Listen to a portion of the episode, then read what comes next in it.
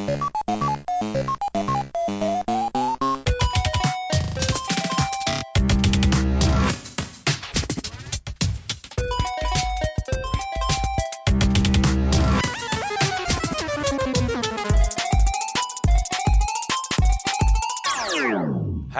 og velkommen til episode 14 av Spillpedagogene. En podkast om spill og digital kultur.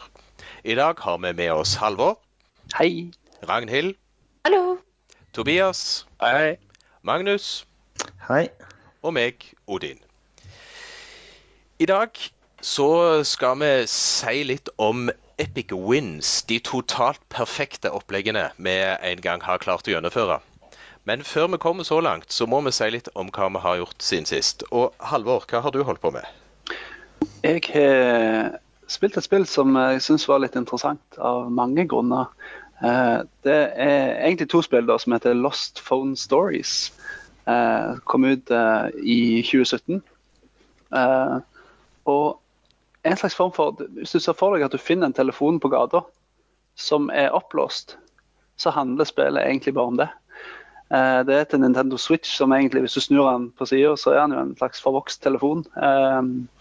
Og, og, og spillet handler om at du Interfacen er en telefon, og så har du tilgang til meldinger og bilder. Og når du finner wifi-koden, så får du tilgang på e-poster og forskjellige diverse ting. Som alle handler om å, å nøste opp en historie om den som eier telefonen. Veldig, begge spillene er veldig, veldig stilig laga. Um, jeg har ikke prøvd det i klasserom ennå, men jeg har bare, spilt igjennom begge to. Jeg synes det er eh, Du får på en måte følelsen av å være en slags kikker da, inn i en, en annen telefon. Altså, telefonen i dag er jo noe av det mest intime vi har. omtrent. Vi, alt, vi gjør jo alt på telefonen. Så det å så- det å så på en måte få et innblikk inn i en annens telefon er jo som å kikke inn i sjelen til noen. Så jeg liker veldig konseptet. Er er det noen andre av dere som har testa det ut? Nei, jeg, jeg så du skrev det litt i kjøreplanen vår, så jeg har jo sjekket ut litt om på forhånd. Jeg syns det ser spennende ut. Jeg, jeg visste ikke at det var på Switch, og jeg blir mer og mer glad i Switchen min for hver måned som går. Så det, det skal jeg sjekke ut, altså. Det hørtes veldig kult ut. Ja. Det er jo noe sånn, her tenker jeg at du, du har både den historiebiten der du kan nøste opp en historie og finne ut ja, hva det er som har skjedd med personen, og hva slags, hvordan er forholdet til andre mennesker, og hva, hva er det som er indikasjonene på at noe har skjedd osv. Men, men det er jo også en slags etisk side ved dette. Altså hva, hva, hva, altså, hva gjør man når man finner en annens telefon, og er det greit å på et vis snoke og ja. Det er mye, mye stilige greier der, altså. Ja, jeg tenkte, det som jeg tenkte også sånn, litt sånn som en ryggrefleks, er jo litt at det kan også sammen med elever fungere som hva legger vi igjen på telefonen vår, Ja, riktig? i tilfelle andre finner den. Mm. Ja. Jeg så at noen hadde skrevet en, en anmeldelse av spillet og, og, og avslutta med eh, ja, gå, gå tilbake og se på din egen telefon nå. Hvordan ville ha, hvordan, hvis noen hadde funnet telefonen din, hva hadde de, hvordan hadde de eh, reagert, eller hva, hva hadde de funnet ut om deg? Ja, ja. Og eh, det, er, det er ikke rent lite, egentlig. Veldig bra. Nei, det, det hørtes ut som egentlig litt spennende spill å ta inn Ja. i undervisning. Jeg så det kom jo nye sånne der, Den lære, læreplanprosessen har gikk et nytt eh, Tikka litt videre nå her om dagen. Ja. Og da, da var det vel på det digitale så var det veldig mye digital dannelse, tror jeg. Jeg bare kikka veldig kjapt gjennom det. Det høres jo ut som et spill som går rett inn i det, det man mener at vi bør jobbe med digitalt òg, da. Ja, det tror jeg òg. Mm. Stilig. Yes.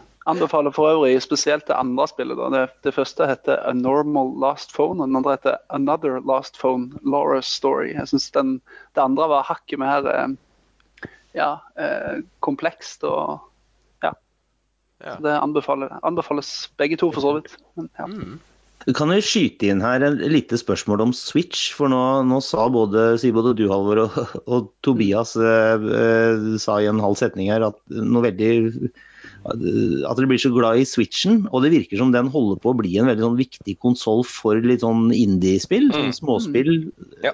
Små, rare spill. Ja. Jeg har ikke kjøpt ja. ennå, men jeg, jeg, da begynner jeg å få lyst til å skaffe meg en Switch.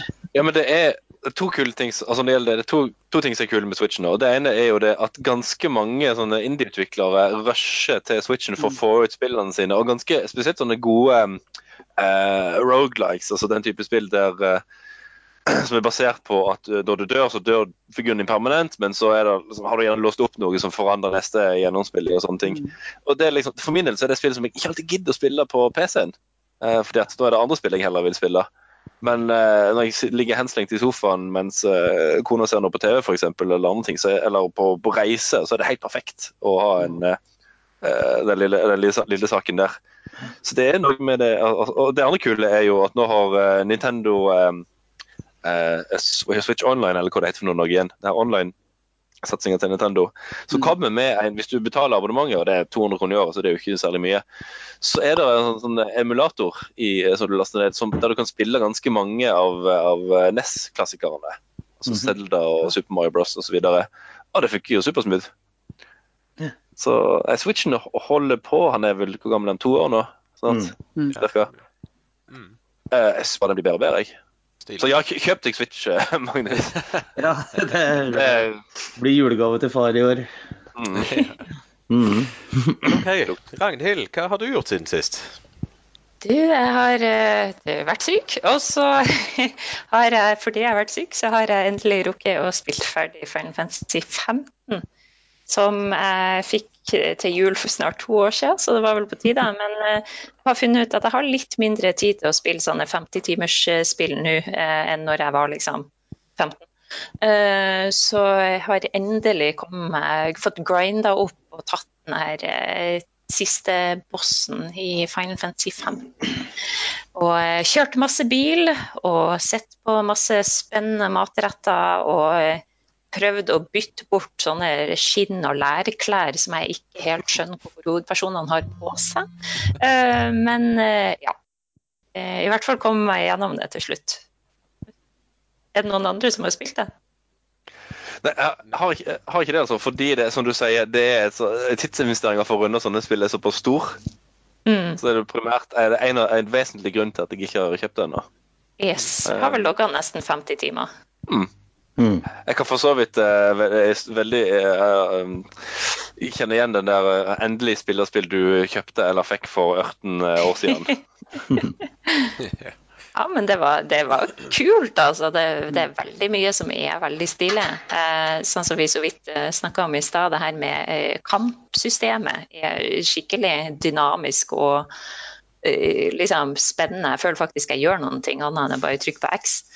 Eh, men eh, det er, det er, ikke helt et Final Fantasy-spill. Den FF-nerden i meg har lyst til å krype tilbake til det gode gamle som de hadde tidligere. Så. Mm. Mm absolutt gøy. Og så er det veldig godt å kunne lukke igjen den boksen med CD-en inni, for det her var da på CD. Det er achievement, det, altså. mm. Mm. Tobias, du ja. har, eh, det ryktes at du har òg eh, lett etter gamle ting.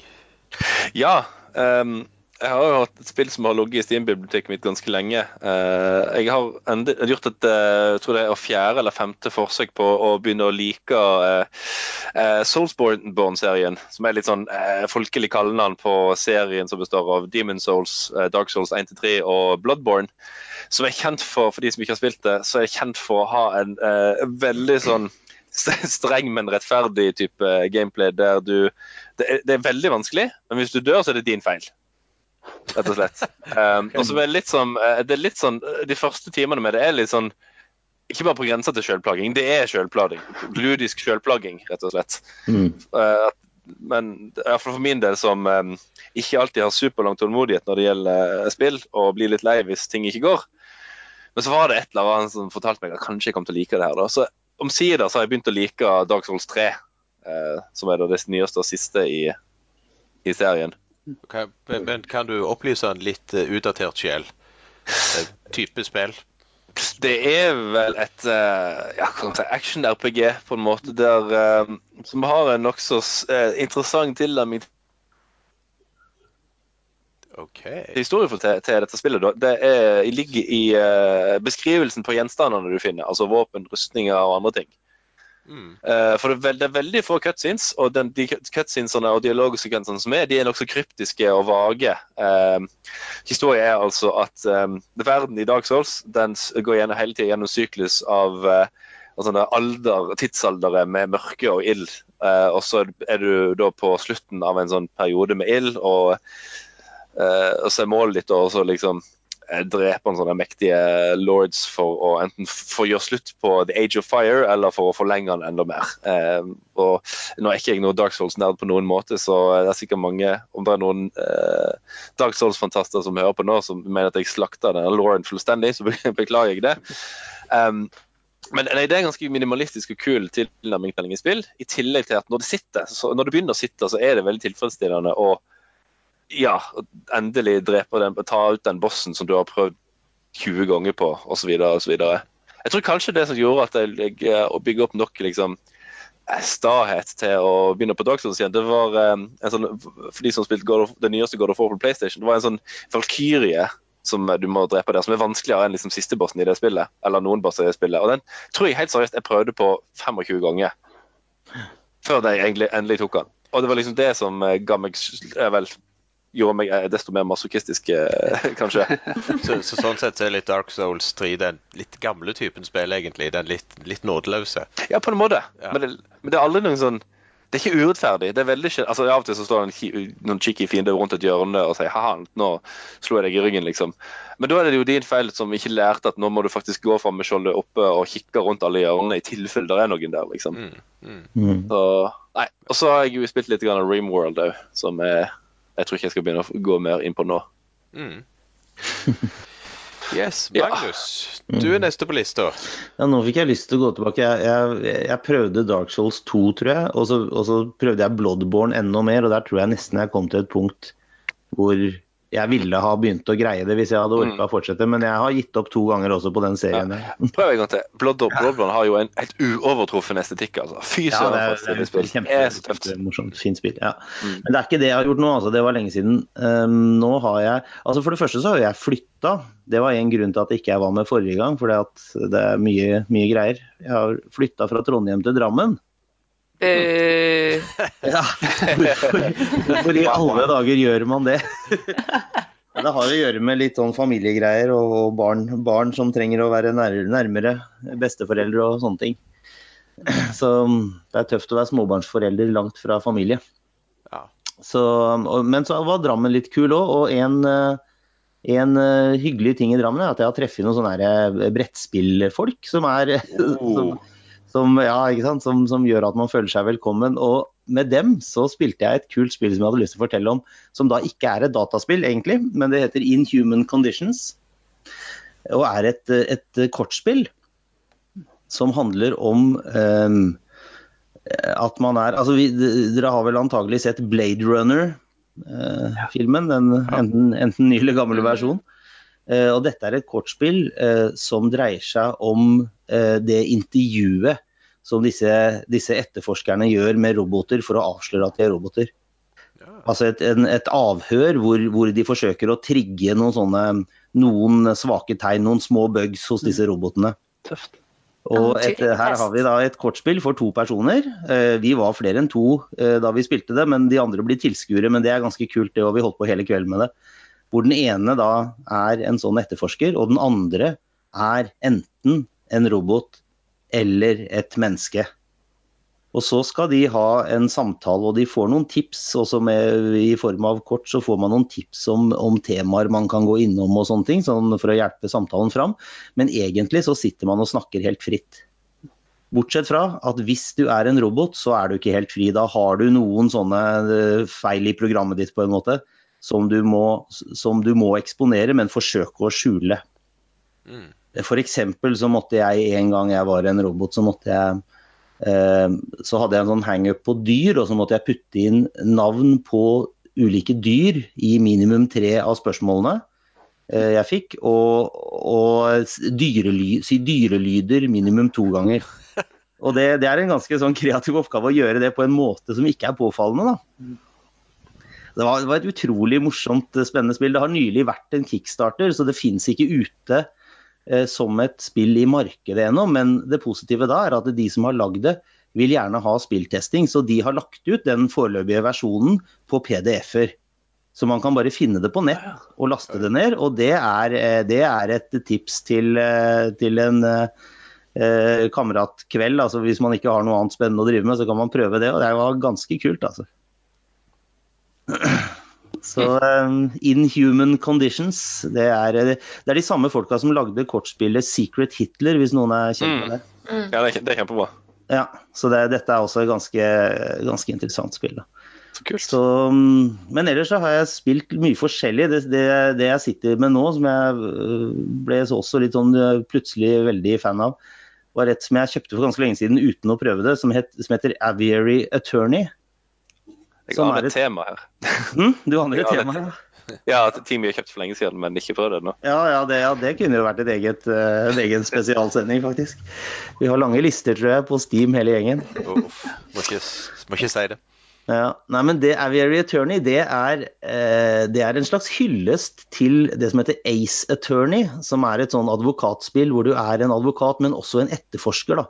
For du bruker mesteparten av spilltida di på å finne, ut, finne bevis, snakke med folk, eh, avdekke en sak. Men så er du forsvarsadvokat. Og så møtes man da i retten, og så skal man bruke bevisene sine best mulig. Så det er jo en, uh, en ganske um, Det er en veldig sånn klassisk spillserie, da, Ace Attorney. Men i Aviary Attorney så er det jo da eh, fugle, sånne karikaturer Eh, av, av, fugler, eller de, de, er fugler, de detektiven, på en måte, da, eller eh, forsvarsadvokaten. Og så er det lagt til 1848, til eh, Frankrike, til, til Paris. Eh, og midt i den revolusjonsånden som, som, hersker der. Og, eh, og det, bruker, det benytter seg av karikaturtegninger fra en samtidig karikaturtegner som, het, som jeg tror heter Granville. Så det er nydelig, vakkert uh, visuelt. Og så er det ganske morsomt, det er humoristisk og fint. Og så skal du da løse Eller du skal være en god forsvarsadvokat, da. Uh, og så vet du jo ikke helt hva aktor kommer med i rettssalen, sånn at det er, det er litt uh, Det er ikke så lett å planlegge spillet, men det er ganske morsomt å oppleve det. og så er det, tenkte jeg litt på deg, Odin, for det er nydelig musikk. da. Utrolig vakker musikk med blant annet eh, Tsjajkovskij og, og, og, og disse, disse, denne musikken er knytta til karakterer i spillet. Så litt sånn ledemotivaktig. Så det er f.eks. en spansk prins Juan, og da når han, hver gang han kommer inn i bildet, så spiller de eh, en, eh, en, del en sånn utdrag fra Carmen, som liksom er hans ledemotiv. da. Så det er, det er, utrolig lekkert. altså. Fantastisk morsomt spill. Og, og, hvis man i tillegg liker humoren, som jeg syns er kostelig, eh, så, eh, så, er det en ganske fin ting å, å sitte med. Mm. Mm. Så det driver jeg med. Men det jeg har gjort siden sist, er egentlig å ha spilt gjennom et ikke så gammelt spill, uh, men, men uh, Everybody's Gone to the Rapture har jeg spilt gjennom en gang til. Nesten halvannen gang. Uh, og det var litt for I forbindelse med at jeg skrev det blogginnlegget om musikk i spill, og så fikk jeg litt dilla, for det er et av de spillene jeg syns det er mye bra i. Og til de som ikke har spilt det før, så er det jo for så vidt bare å si at det er jo en walking simulator, er vel det rette å fortelle, med en relativt god historie, syns jeg. Jeg klarer jo å bli rørt hver gang uh, i det. Og grafikken er jo helt sinnssvak. Så hvis du skal spille det på en PC, bør du ha rimelig godt grafikkort og kraftig maskin. Men jeg tror det funker rimelig fint på en PlayStation 4 òg, sånn fra før. Uh, og hos meg, det spillet skuffer aldri. Jeg, jeg, jeg syns det Første gang jeg spilte det, var en opplevelse, og andre gang jeg spilte gjennom, så får jeg jo med meg mer. Men jeg oppdaget jo at jeg fikk med meg det meste første gang. For det går an å spille det uten å få med seg så mye òg. Mm. Uh, og, og, så jeg var jo litt glad at jeg fant ut at første gjennomspilling, da, da traff jeg litt rett i forhold til de valgene du må gjøre med hvor du går og, og hvordan du forholder deg til denne lysgloben du i praksis følger etter. Mm. Uh, jeg kan legge til at jeg har, spilt på PlayStation 4 litt, og det, jeg vil nok heller jeg, vil nok, jeg tror opplevelsen er ganske mye på PC. fordi at på PlayStation 4 så, så, så det legger litt for mye. Det hakker litt for mye. Okay, ja. Ja. ja. Så, og, det, og, det, kan jeg skjønne, for, for grafikken er, er helt mm. syk. Ja, og litt sånn, til, til, de som ikke har spilt igjen, da. det er jo at du åpner jo med å komme inn i en Det er vel en amerikansk eh, litt sånn eh, idyllisk by, liten landsby. Der du på en måte bare kommer og blir plassert midt i fortelling eller et sted der med egentlig en idé om at du vet ikke hva som har skjedd. Og så begynner du å bevege deg rundt i hele denne tomme landsbyen der det ikke er noen mennesker igjen. Og det eneste som er igjen, er noen sånne små En, en lysglobe du følger etter, som viser deg forskjellige steder i denne landsbyen der det er ting du kan trigge, som da forteller deg en fortelling med lysende, prikkete skikkelser. Som jo forteller den fortellingen om hva som egentlig har skjedd her. Uh, og, og, den er jo delt inn i episoder i forhold til ulike personer i denne landsbyen som da historien handler om. og jeg har ikke lyst til å røpe så veldig mye, fordi hver fortelling er på en måte en fortelling i seg selv, men du oppdager stadig mer om hva som skjer i denne byen, og så henger fortellingene sammen, og den helt siste fortellingen knytter jo alt dette sammen. På en snedig og rørende måte, syns jeg. Oppdaget til min store overraskelse og glede at jeg har faktisk kjøpt det på Steam òg, uten at jeg husker det. Nei, så, ja. så, så det, det, har jeg gjort til de som ikke har spilt det. Det, det er verdt å bruke to-tre timer på å gå seg gjennom det. Mm. det. Det er vel spillet har fått litt sånn klager på, det er jo det at gåinga har vært litt treg. Det, altså, det gikk veldig seint å gå. og Nå vet jeg vel at både på PlayStation 4 og på PC så har de lagt inn en sånn at du kan holde inne en litt gå fortere-knapp. Mm. Sånn at folk ikke får noia. Men, men, jeg skal innrømme at jeg er veldig frista til av og til å gå litt seint, for både musikken og grafikken legger opp til at du skal gjøre det. Mm. Med at Når du går fra A til B, så skal du faktisk ha opplevd nydelig grafikk og nydelig musikk, som er en veldig viktig del av stemningen i, i selve fortellingen. Men det, det, lider vel litt under den sånn, uh, grunnen til at walking simulator i noen tilfeller er et litt sånn negativt ladet term, er at det lider litt under liksom det er litt ufortjente behandlinger de får, syns jeg. At, at, at liksom, man, noen går inn med litt andre forventninger til det enn hva det egentlig er. For det, er et spill med, som, i, i, første gir hele tida, omtrent. Ja, ja. Så ja, du må ja. Det er jo ikke noe action annet enn der for så vidt fortellingen drar til. Det, men det gjør man jo et par steder. Men, men det, er jo en, det er jo mer en, en, en, veldig rolig og vakker opplevelse, veldig mye av det. Ja. Mm. Og ellers så, så, er det jo det en sånn forlengelse av det. Jeg har jo klart å melde meg på dette MOOC-studiet, eh, profesjonsfaglig digital kompetanse. Eh, litt sånn på herk, egentlig. Uh, og, og, og, for å se litt hva det går i. Uh, og, og, De har jo et litt sånn pussig syn på hva de vektlegger i forhold til hva som er digital kompetanse. Foreløpig så får jeg at vi skal lage sånne digitale fortellinger med video og lyd som er liksom det store. Mm -hmm. og, ja, jeg mener jo for så vidt midt i forhold til hva som er digitalt og hva som er analogt oppi alt dette her. Men uh, så, sånn at det, faktisk så, så satt jeg og tenkte at det å ta i bruk spill i undervisningen i forhold til en del av de andre tingene de ber om at vi skal gjøre i undervisningen som en sånn digital innfallsport, da er det faktisk enklere å ta i bruk spill enn mye av det de prøver å få lærerne til å gjøre. Og Her er det jo selvfølgelig lærere fra A til Å som, som jo knapt nok har tatt i en datamaskin, til, til folk som er rimelig godt vante. Men så morsomt at de har digital. Er det digitale fortellinger? det, det, det oppstår jo nærmest som en sånn egen sjanger, som bare er sånne, sånne bilder og innlest lyd. Mm. Uh, og, og, min, min uh, kommentar til det vil jo alltid være at digitale fortellinger kan jo fortelles på veldig mange andre måter. Men det var det liksom ikke rom for i den ganske smale skolesjangeren digitale fortellinger. Nei, nei. Og så er det så veldig tydelig at de har lyst til at vi skal gjøre det som en forlengelse av at de vil at lærere skal lage flipped classroom ut av alt. Ja. Som er jo litt sånn der 19 pil og bue i dag, syns jeg. da. yep. Så det, det har jeg holdt på med. Yeah, Så da trekker vi et kjapt gir over til neste og går i gang med månedens tema.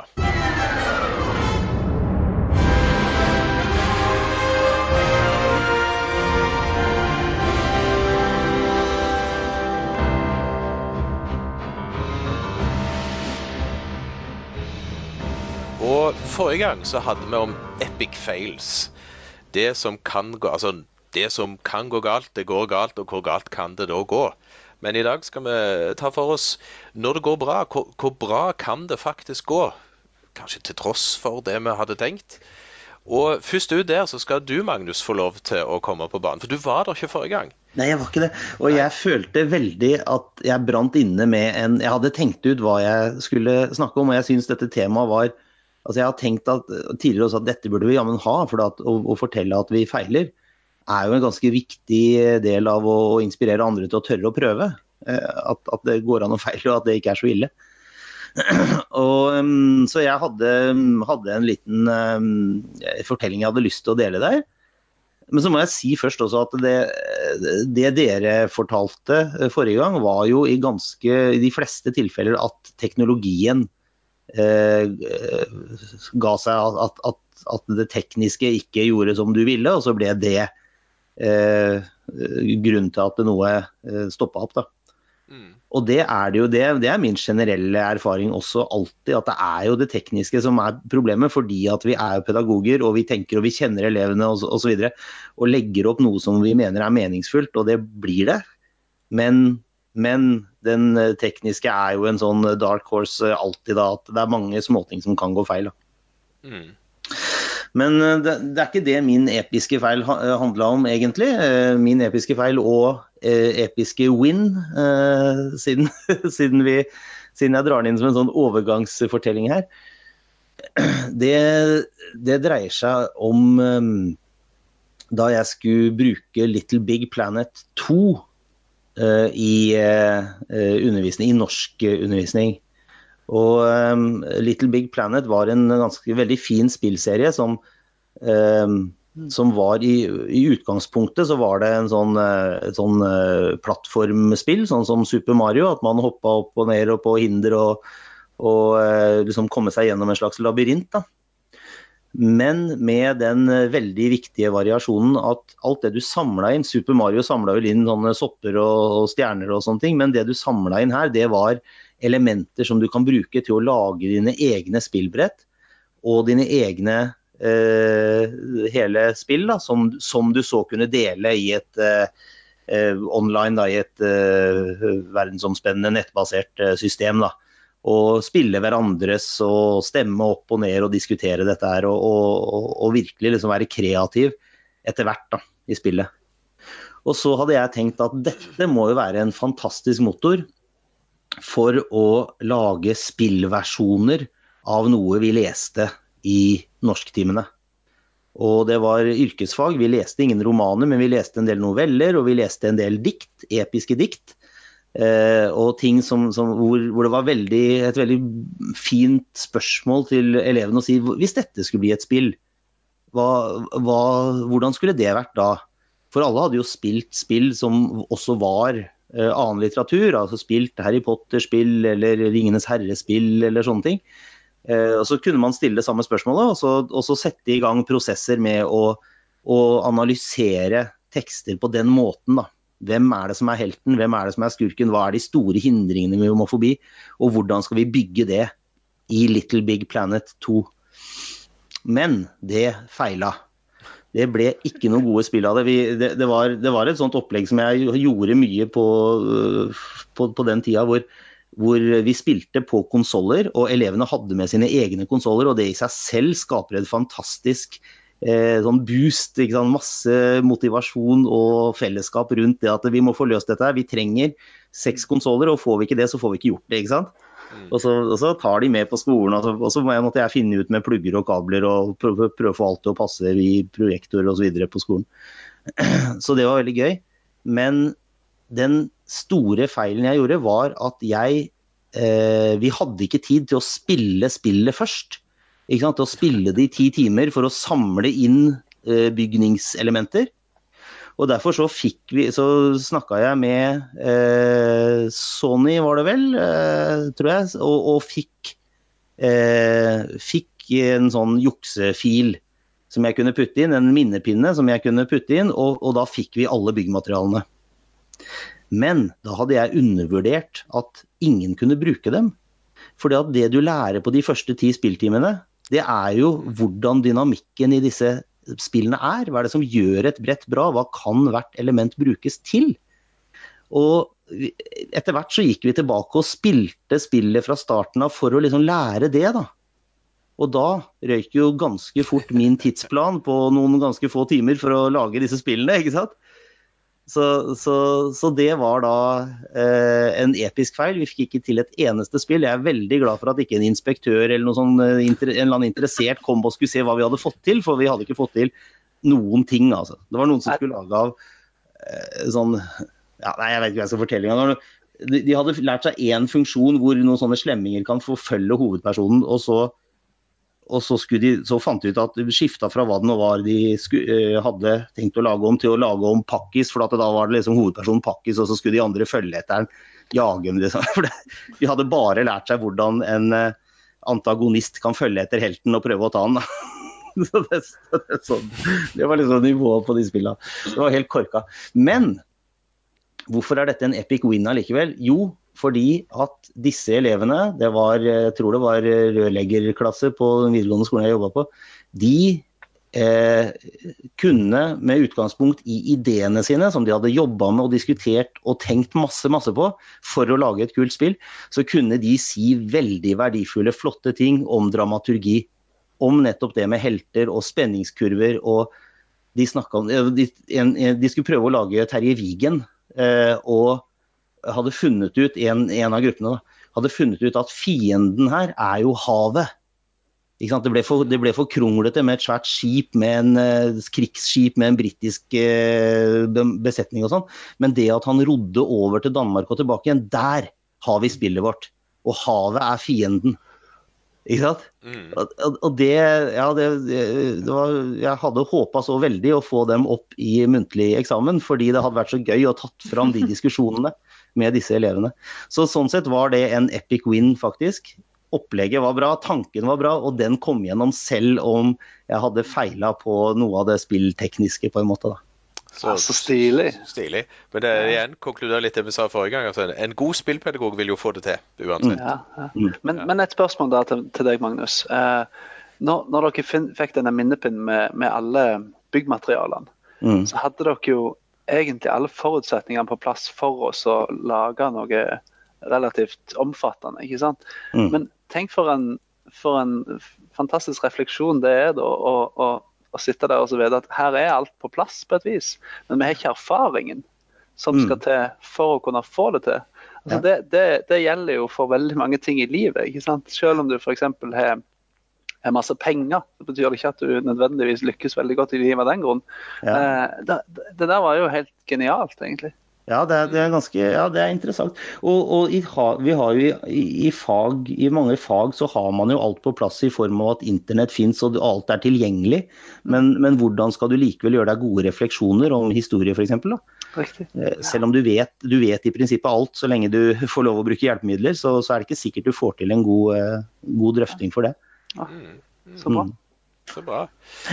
Tobias, du ja. må ha noe perfekt på lager med så mye erfaring. nå, nå, har jeg veldig lyst til å si Walking Dead en gang til. Men det skal jeg ikke gjøre. um, jeg, altså, jeg har lenge hatt den tilnærminga at um, når jeg prøver ut nye spillprosjekt, så har jeg som regel en, klasse, en sånn uh, uskyldig kaninflokk av en klasse som er med på ufrivillig betatester forskjellige, forskjellige ideene mine. Så hadde jeg en, en klasse for uh, hadde de i fjor òg, men jeg hadde de for første gang for to år siden. Da de var, gikk i VG2.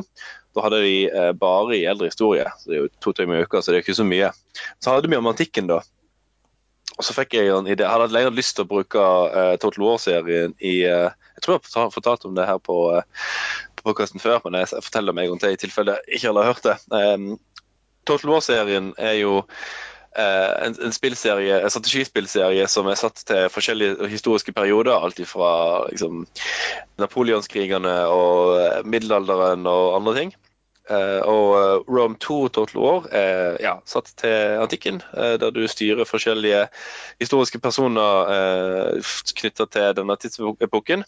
Vi skulle da spille en, eh, en, kampanje der du velger å styre én i det andre triumviratet, altså de som tar over makta etter Brutus og gjengen som drepte Cæsar, er, er, tatt ut av aksjon. Og så, Ideen min var egentlig ikke bedre enn at nå fyrer jeg opp et spill i kampanjemodus på smartboarden i klasserommet, og så ser vi hva som skjer. Ja, det er bra. Det var ikke mer gjennomtenkt enn som så. Uh, og så viser det seg at en i klassen er Total War-nerd. Altså Han har spilt mange av de spillene før og eh, ja, var dreven i serien. Så da fikk jeg han til å spille. Og så sto jeg litt lenger bak i klasserommet og liksom holdt ting gående. Så da ble klassen litt sånn, hva skal vi si, litt sånn impromptu senat, rett og slett. Der eh, vi spilte spillet et eh, stykke, og så fikk vi forskjellige problemstillinger og, eller problemer å ta til, stilling til i spillet underveis. Og så snakker vi i klasserommet, liksom. Nå, nå har han erklært krig mot han, eh, som vi er alliert med. Skal vi gå inn i krigen på hans side? Ja, er det noen som sier. Fordi at han er en verdifull alliert. Nei, sier han. Fordi at krig er dyrt, og vi har allerede Han der Marcus Antonius, han driver og ser litt stygt på oss. Vi må passe på han, liksom. Um, ja. Uh, og så endte vi opp da med å invadere Syrikus, fordi at det, folk begynte å få litt blod på tannen, og vi hadde ikke utkjempa et slag ennå. Så skulle vi invadere Syrikus. Og problemet er at vi glemte å liksom, bygge noe som helst form for liksom, beleiringsutstyr. Ikke uh, sånn, altså, beleiringstårn eller ikke noe som helst.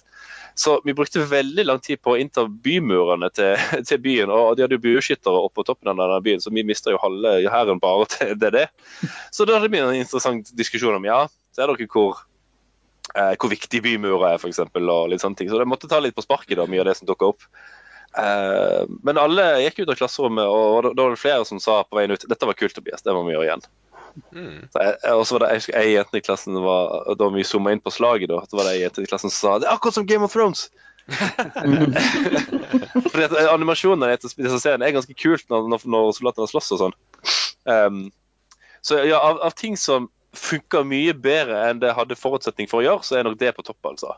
Mm. Uh, og det var en kombinasjon av jeg tror litt at jeg klarte liksom å, å hadde nok ikke, eh, ikke, Jeg er jo ikke veldig altså jeg, jeg er jo ikke veldig belest når det gjelder eldre historie, men jeg kan, jeg, kunne, jeg kan, nok til å holde det gående litt sånn på sparket.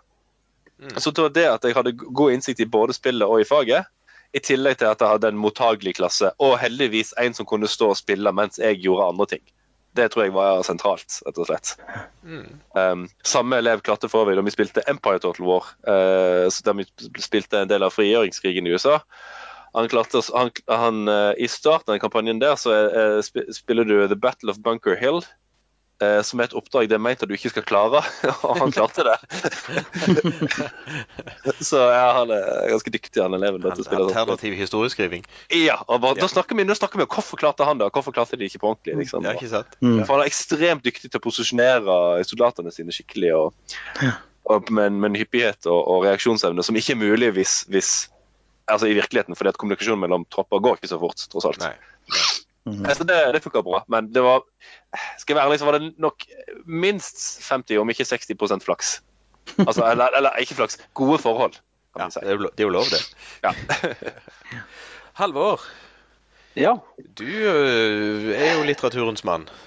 Ja, jeg vet vi har snakka litt om Gone Home tidligere i, i podkasten. Men jeg tenkte jeg skulle bare trekke fram igjen det opplegget jeg gjorde i forbindelse med masteroppgaven min, der jeg eh, laga til et undervisningsopplegg knytt til um, Gone Home og um, en novelle av Frode Grytten som heter 'Togsong'. Eh, den kjørte jeg først som et pilotopplegg for eh, mine egne elever i videregående skole, og det gikk veldig bra. Rett og slett um, ja, så bra at det ble, jeg føler det ble en epic win, rett og slett. Um, mm. Så jeg eh, det, det, vi gjorde, konseptet var at de, de spilte Gone Home og, og og skulle skrive litt mens de, mens de var i gang med det spillet, mens de, mens de spilte det. Og, og, oppgaven var ganske enkel, at de skulle stille spørsmål til det som skjedde. Fordi, eh, og recapen på Gone Home er jo at man må man, må, man, skal gjennom et, et, svært hus, og så skal man finne ut hva som har skjedd med familien Greenbrier i, imens man går gjennom. og Da må man lete i alskens sånne type lapper, brev og kassetter og forskjellig. Um, og Da var oppgaven at de skulle stille spørsmål til det de fant. Altså stille kritiske hvorfor er dette her, eller det, hvorfor står dette i dette brevet her? Eh, for å innta en liksom posisjon i forhold til teksten sin. Og så skulle vi overføre den teknikken på noveller til Frode Grutten. Og, der, og på en måte den epic winnen kommer liksom etter vi spilte, når vi diskuterer noveller. fordi at da har vi på en måte gjort en erfaring knyttet til spillet. Og så skulle vi skal vi prøve å stille sånne spørsmål, kritiske spørsmål til 'Togsong', som er en, eh, en fabelaktig novelle om en kar som sitter på toget og har slått opp med damer og er litt sånn halvbrisen. Og så er spørsmålet hvorfor sitter han der, hvorfor går han ikke av toget. Og, og elevene eh, skrev ned en haug med sånne spørsmål, og jeg skrev på tavla med tavle og kritt. Eh, og, og, vi fylte opp ei hel tavle i løpet av en time. Og hadde det jeg anser som den beste samtalen om en tekst jeg noen gang har hatt. Men det var fordi at vi kunne trekke paralleller til, til Gone Home samtidig. Altså Vi kunne si at ok, det, sånn jobber vi med den teksten, og så klarte vi å jobbe på samme måte med en, med en papirtekst. Eh, så det, det, ble en skikkelig skikkelig fin sånn samtale der veldig mange av elevene var engasjert. Mm. Det, ja, hva, tror, hva, tror, du, hvor avgjørende tror du det var å liksom varme de opp så å si, med Gone Home først? Så når elever leser tekster, så har de ofte en, en slags idé om at vi som lærere har Vi sitter på fasiten, vi ønsker en slags vi ønsker en eller annen tolke i en eller annen retning. Det er derfor vi er gitt i den teksten. der. Mm. Mens når vi, når vi, bruker et dataspill, så er inntrykket at elevene eier i større grad den prosessen det er. da. For at det, De er vant med formatet, de spiller spill sjøl. Og jeg, jeg, kan ikke jeg håper si, De er iallfall ikke vant til at jeg skal på sett og vis ha en slags mm. forhåndsmening om et spill. da. Så jeg tror at det å varme dem opp på den måten der gjorde at de i neste omgang, når vi skulle snakke om en, en tekst, eh, og vi skulle bruke den samme metodikken, mm. så, så eikte de den òg i litt større grad i alle fall enn en ellers. Mm. Ja. Jeg har, jeg, har, nemlig samlet inntrykk fra da vi andre ganger, bl.a. da vi spilte jeg og klassen min spilte The Last of Us. Um, ja, ja. Så var, hadde litt samme utgangspunkt som, som deg. bare da, da, Vi skulle øve på sånne lesestrategier, riktignok. Og da var resonnementet mitt og inntrykket litt samme, litt samme, rett og slett. At de hadde like stor, like stor eierskap til sine tolkninger av spillet som, som de antok jeg har, på en måte. Mm. Ja. Uh, som et litteraturdidaktisk uh, grep, så tror jeg, jeg, tror det, jeg tror det er noe i det, altså. Ja. Hm, da fikk ja, jeg Kanskje det er jeg, som skriver en artikkel om. Men, men um, var det et poeng, Halvor, at at det er de to tekstene? At det er 'Gone Home' og 'Frode Grytten'? Er det noe sånn tematisk, innholdsmessig Nei. ikke? Uh, nei, altså i, i, i, den grad det er det, så handler det om at noen, noen har tapt noe. Det er et visst tematisk sammenfall der. At, at, mm. at tap er en del av, av eh, det hele. Men, men uh, nei, egentlig ikke. Ikke mer enn det. Nei. Mm. Mm. Men det, det minner meg altså det der med på en måte å varme opp lever jeg, Min beste opplevelse er jo en av de der sære tingene jeg har gjort. Uh, og, og, litt at den funkte, tror jeg, var jo rett og slett at det, jeg hadde en klasse som jeg hadde i, i, tre år etter hverandre. og de var liksom jeg, Det var min klasse der jeg kunne prøve ut all slags rare ideer jeg hadde om spill i skolen. Uh, og, og, de var liksom vant med at jeg bare ga dem et spill, og så var det for, de, for elevene sin del så var det litt med, med en sånn ukjent at jeg bare ga dem nesten en oppgave. Start dette spillet, spill, spill, og se hva det handler om. Uh, og en av de gangene så ga jeg de spillet Proteus. Uh, og det er nesten vanskelig å beskrive spillet. Uh, jeg, pleier å kalle det mer en sånn oppdagelsesreise inn i en audiovisuell verden. Eh, for, fordi selve, I det spillet begynner, så er du plassert ute i vannet rett før en øy. Uh, og du kan da gå på land og, og kikke, men, men, denne øyen består av trær, rare vesener, planter, insekter, noen bygninger. Og det er veldig sånn naivistisk grafikk. Veldig enkel og, og primitiv. Og så er det ikke musikk der med rare lyder og rare stemninger. Men, men det som er felles for det, det er at det kan bli nokså nok vakkert, en god del av det. Uh, og, og, og, det som jeg da egentlig da har gjort, da, det er at jeg når, når, elevene begynte å spille, så presenterte jeg og sa at dette er et litt sånn spill, og at hver gang du starter spillet, så lages det en ny verden. Og det, det, bygges på en sånn matematisk formel. Så hver gang du starter spillet, så er det en verden som ingen har spilt før. Og når du da avslutter spillet, så forsvinner denne verden. Du kan aldri spille denne verden om igjen noen gang. Eh, og Så sier jeg da til elevene spill, lytt, se, undersøk. De skal notere ned det de ser, hører og opplever. Og så skal de lete etter sammenhenger mellom lyd og bilde. Og så skal de mens de spiller, dele alt dette her med de andre i klassen mens de spiller. Og jeg sier det er lov å hjelpe hverandre. Og de skal rett og slett prøve å finne ut hva handler spillet om, og hvordan kan du fullføre spillet. Eh, for for det, det er et litt sånn sært spill der du rett og slett må lete etter hva er det som driver spillet videre. Og jeg har ikke tenkt å røpe det til folk som har lyst til å spille det. For det, det, det er et litt sånn poetisk spill, og, og faktisk meninger med spillet, hvordan du kommer videre, handler om hva spillet handler om. Uh, men når da spillet er slutt, så skal de da tenke hva dette går ut på. Spesielt rundt dette med at verden blir ny hver gang. Og så gir jeg dem en utfordring med å si du kan aldri komme tilbake, skal de da tenke over. Så skal vi samtale om dette, og så trekker jeg det inn i forhold til øh, faget jeg kjørte. De var KRLE i forhold til buddhismen. Dette med å, å si at det ikke finnes noe i verden som er fast eller stabilt, alt er endring. Og, og alt vil slutte å opp, altså alt vil slutte opp, eller alt vil opphøre å eksistere før eller seinere.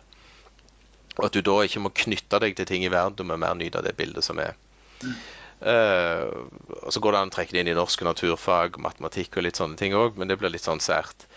Eh, det som var jo gøy, da, det var at elevene Jeg trodde jo at dette skulle bli et nokså mislykka spill. Og så gikk jo elevene inn med liv og lyst, og de opplevde, og de noterte, og de snakket, og de prøvde å finne ut hva dette spillet egentlig handler om. Og flere av de kom videre, og de kom gjennom spillet. Og satt jo igjen egentlig med nokså sterke opplevelser. Men det morsomste var at de som kom gjennom spillet først, de ble lei seg. For da var jo spillet ferdig. Og da hadde de mista kontakten med verden, som jo gjorde at de andre som ikke var ferdige ennå, de ville ikke stoppe å spille. Eh, de ville ikke spille gjennom spillet, for da ville de jo gå glipp av alle disse vakre tingene som de faktisk hadde funnet og kunne fått opplevd. Og, og, og Så, så innertieren for meg var jo rett og slett da at eh, når eleven da, at de som da sa at nei, de nekta å spille de, Når timene var slutt og vi var ferdig med hele opplegget, så nekta de å, å lukke igjen spillet, fordi at da ville dette forsvinne. De ville ha det med hjem. Og da tenkte jeg bare sånn ah, Mission accomplished. Mm. Så, men det er jo igjen det der litt sære spillet. Det er jo et indiespill av dimensjoner som du bare på en måte hiver ut på eleven og ser litt hva er det som skjer her. Og de klarte jo faktisk en del elever å skjønne dette med buddhismen og på en måte det, det evige eies kunde for ta, altså tapte. Ja. Uh, som, som, er litt kjekt. Og så har jeg vel skrevet et blogginnlegg om det en gang. Som, som, det finnes jo en funksjon i det spillet som ødelegger alt. Det finnes en save game-funksjon. Du, kan ta et snapshot av det vakre stedet du finner. Og hvis du laster opp det snapshotet igjen, så kommer du tilbake igjen i den verden til akkurat det stedet. Så er det sånn, å nei. Bare ikke fortell det til noen. Nei, jeg gjør ikke Jeg forteller ikke til elevene. Og hvis elevene oppdager det sjøl og kommer og forteller at det går an, så har jeg jo fortalt dem at jeg, ja, det er en grunn til at jeg ikke fortalte det til dem, og så har vi snakket om det. Det har jo vært en kjekk samtale. Men nå lærte jeg noe, jeg trodde Proteus uh, ikke hadde en, en, en win-state i det hele tatt. Jeg trodde det bare var vakkert. Det. Nei, og det har en win-state. Det, det, har faktisk en dypere mening. Du kan, du kan lese det som et dikt. Akkurat. Det var det jeg òg tenkte på nå, fordi jeg har jo tenkt poesi når jeg har spilt Proteus. Mm. Og um, jeg fikk en sånn idé nå om at hvis jeg noen gang skal undervise i, i Henrik Wergeland sin um, Jan van Hausens blomsterstykke, så sitter noen norsklærere der ute og hører på nå, så kan vi gjerne sammen, samarbeide om det. Et opplegg der vi eh, spiller Proteus og leser Jan van Hausens blomsterstykke. Um, det tror jeg hadde vært dritgøy. Oh, så, ja. så flott. Jeg var bare jeg bare eh, på en måte herma etter uh, dere så langt og sier at ja, i, med, altså, dette med Proteus at det med, ja, Alexander har, har jo begrepet sitt spillnovelle. Uh, og da er jo i så fall Proteus et spilldikt. Mm, ja. Fordi det handler, om, handler, ikke om fortellinger, og sånne det handler om stemningen. Ja. ja, det handler om stemningen, og så er det jo faktisk, men det er faktisk en altså, Det som gjør at du kan fullføre spillet, er en slags fortelling òg. Altså, den, den, den, har et, et, den har et indre motiv, han som har lagd spillet. Men det, jeg kan ikke røpe det for dere. Dere må spille det. det. det. er litt vakkert å slutte å spille òg. Litt mm. vakkert og litt trist. Men da passer det veldig bra at da jeg spilte det, så spilte jeg relativt kort tid, og så sa jeg jeg skjønner ikke dette, og så bare slutta jeg. Og det er jo sånn, det er jo sånn mange sånn ikke leser dikt òg. Ja, ja og, og, jeg tror løsningen som var jo litt glube i det, det var jo det at jeg, hvis jeg hadde bare satt i gang elevene hver for seg, og de ikke fikk så lov til å samarbeide, så hadde det endt opp sånn. Mm. For, for det, det, var faktisk det at de klarte å finne ut litt og litt og litt hver av de. Og når da liksom denne fikk spre seg litt i klassen, hva de gjorde for å komme videre i spillet, så, så satte det fart på ting. Hvis ikke så tror jeg de hadde, mange hadde bare gitt opp underveis. Mm. Men da passer det kanskje fint at jeg avslutta Epic Win-runden ja. med eh, det jeg har lyst til å snakke om. Fordi at eh, jeg tenker at eh, Jeg har jo selvfølgelig mange Epic Wins-lister. Eh, men eh, jeg tenkte litt på at altså, det er oppleggene når vi snakker om elevene og timene og veldig sånn konkret spillene i, eh, i møte med elevene. Eh, men det går jo an å tenke litt større på det. Eh, og jeg tenker at spillpedagogene er litt epic win. Jo Eh, det at ja, ja, ja, altså sjølskryt må være lov, men eh, at eh, at det ikke bare er eh, meg som står alene og har funnet på noen ting, men at jeg kan liksom jeg kan vise til podkast, og vi er en gjeng som har funnet sammen. Og det å bare sitte og høre på dere og bli så inspirert. Og jeg begynte å lete opp og kan jeg bruke det her i engelsken og det her i Ikke sant. Så eh, jeg tenker at eh, ja, vi, vi er litt epic queen, rett og slett. Eh, Hør, hør. Hør, Ja. hør, hør. Ja, ja. Det Ingen som er uenig her. hvis det er noen som er det, så De får ikke være med neste gang. Nei, ikke sant. Men jeg tror det er et godt poeng akkurat det der at å liksom på en måte um, være opp, av, av og til være obs på det privilegiet det er å ha likesinnede å snakke med. rett og Å, slett. ja.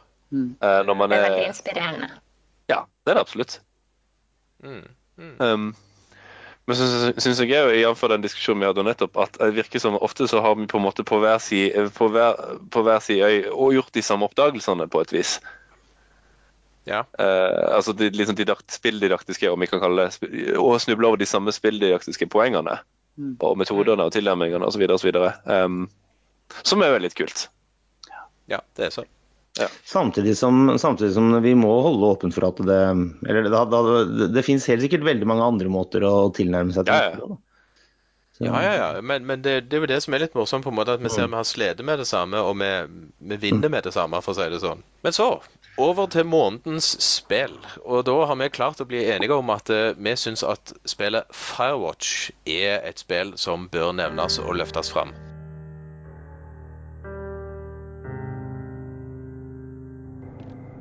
Hello, Two Forks Tower. Um, hello? Whoever this is? It's Henry, right? Yeah. I'm Delilah. Yeah, that's what the guy said on the phone. So, what's wrong with you? Excuse me? People take this job to get away from something. So, what's wrong? What's wrong with you? That's a great idea. Go ahead. Look, I just hiked for two days, so I don't really follow whatever it is you're doing right now. You take a stab at what's wrong with me. Fine, then can I like, sleep forever? Sure, buddy. Okay, now go ahead. Okay, uh, you've killed three husbands. You're a black widow, and you're just out here until the heat dies down, and then you'll kill again. Ooh, very good. Bravo, Henry. Okay, I sleep now? Not quite. Now you. Okay, good night, bye. Let's see. I don't know anything about you, but nine times out of ten, folks out here simply got dumped. Is that it? Close? Good night. Good night. Welcome to the job. Og Halvor, du er den siste av oss som har eh, gjort større ting der. Ja. Um, nå la jeg, vi kan legge ut en lenka til Jeg lagde et lite opplegg på det til IKT i skolen, så kan legge det ved podkasten. Men uh, Firewatch er altså et spill som uh, var debutspillet til et studio som heter Camposanto i eh, 2016.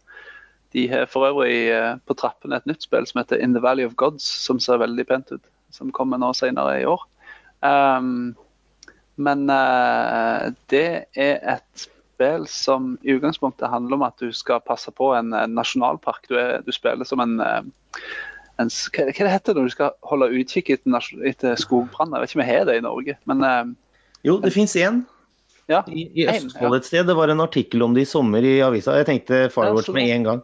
En sånn feature-artikkel om en fyr som satt alene i et tårn og kikka rundt ut i Ja. skogen. En tårnkikker. Ja. Ja. En tårnkikker, eh, absolutt. Han, og du heter Henry, og så skal du, eh, har du fått en jobb. og så må, er litt av historien hvordan og hvorfor du har tatt den jobben. for Det er jo ikke akkurat en jobb der du har veldig mye kontakt med andre mennesker. Men du har, du har en sånn håndholdt radio der du har en sjef som heter Delilah, som, eh, som du snakker med gjennom hele spillet. og det det er, det er et spill som, eh, som begynner rolig, og som eh, eskalerer litt historiemessig. Veldig, veldig stilig. Litt i samme gate som, eh, som andre sånne spillnoveller, da, på et vis. Um, det er satt til 1989, da, så at du, får, du slipper det her ned altså, Det er ikke teknologi som gjør at du kan snakke på andre ting enn en radio. da.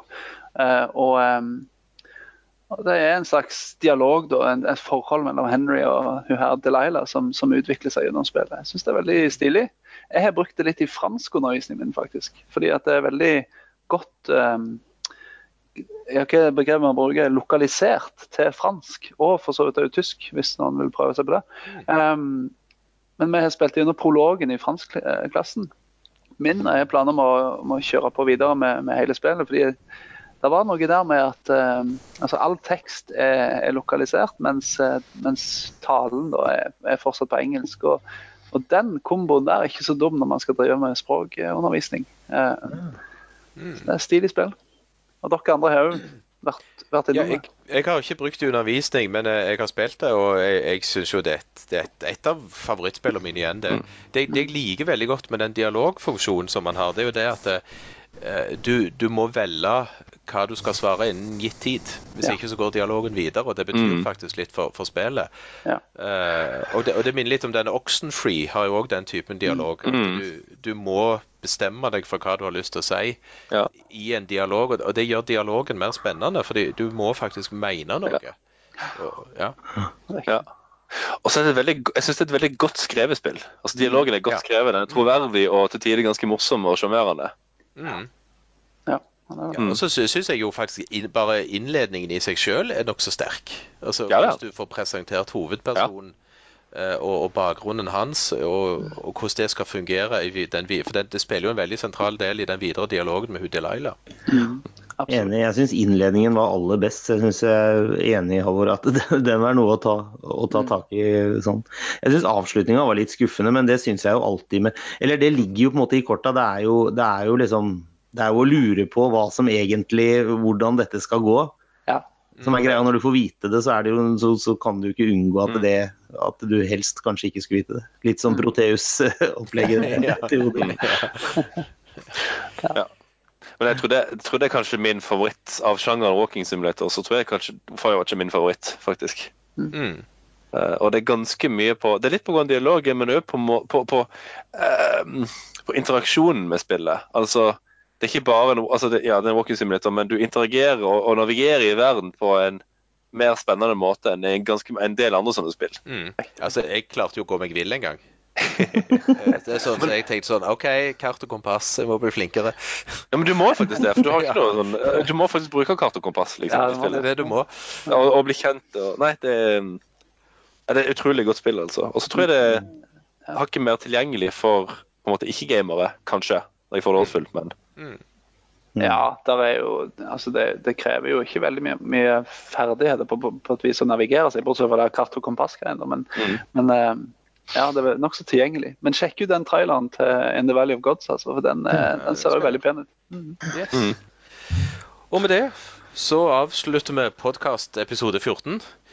Og eh, ønsker lykke til til alle som har hørt på, for nå er det bare å stå på, så dere òg får deres epic wins.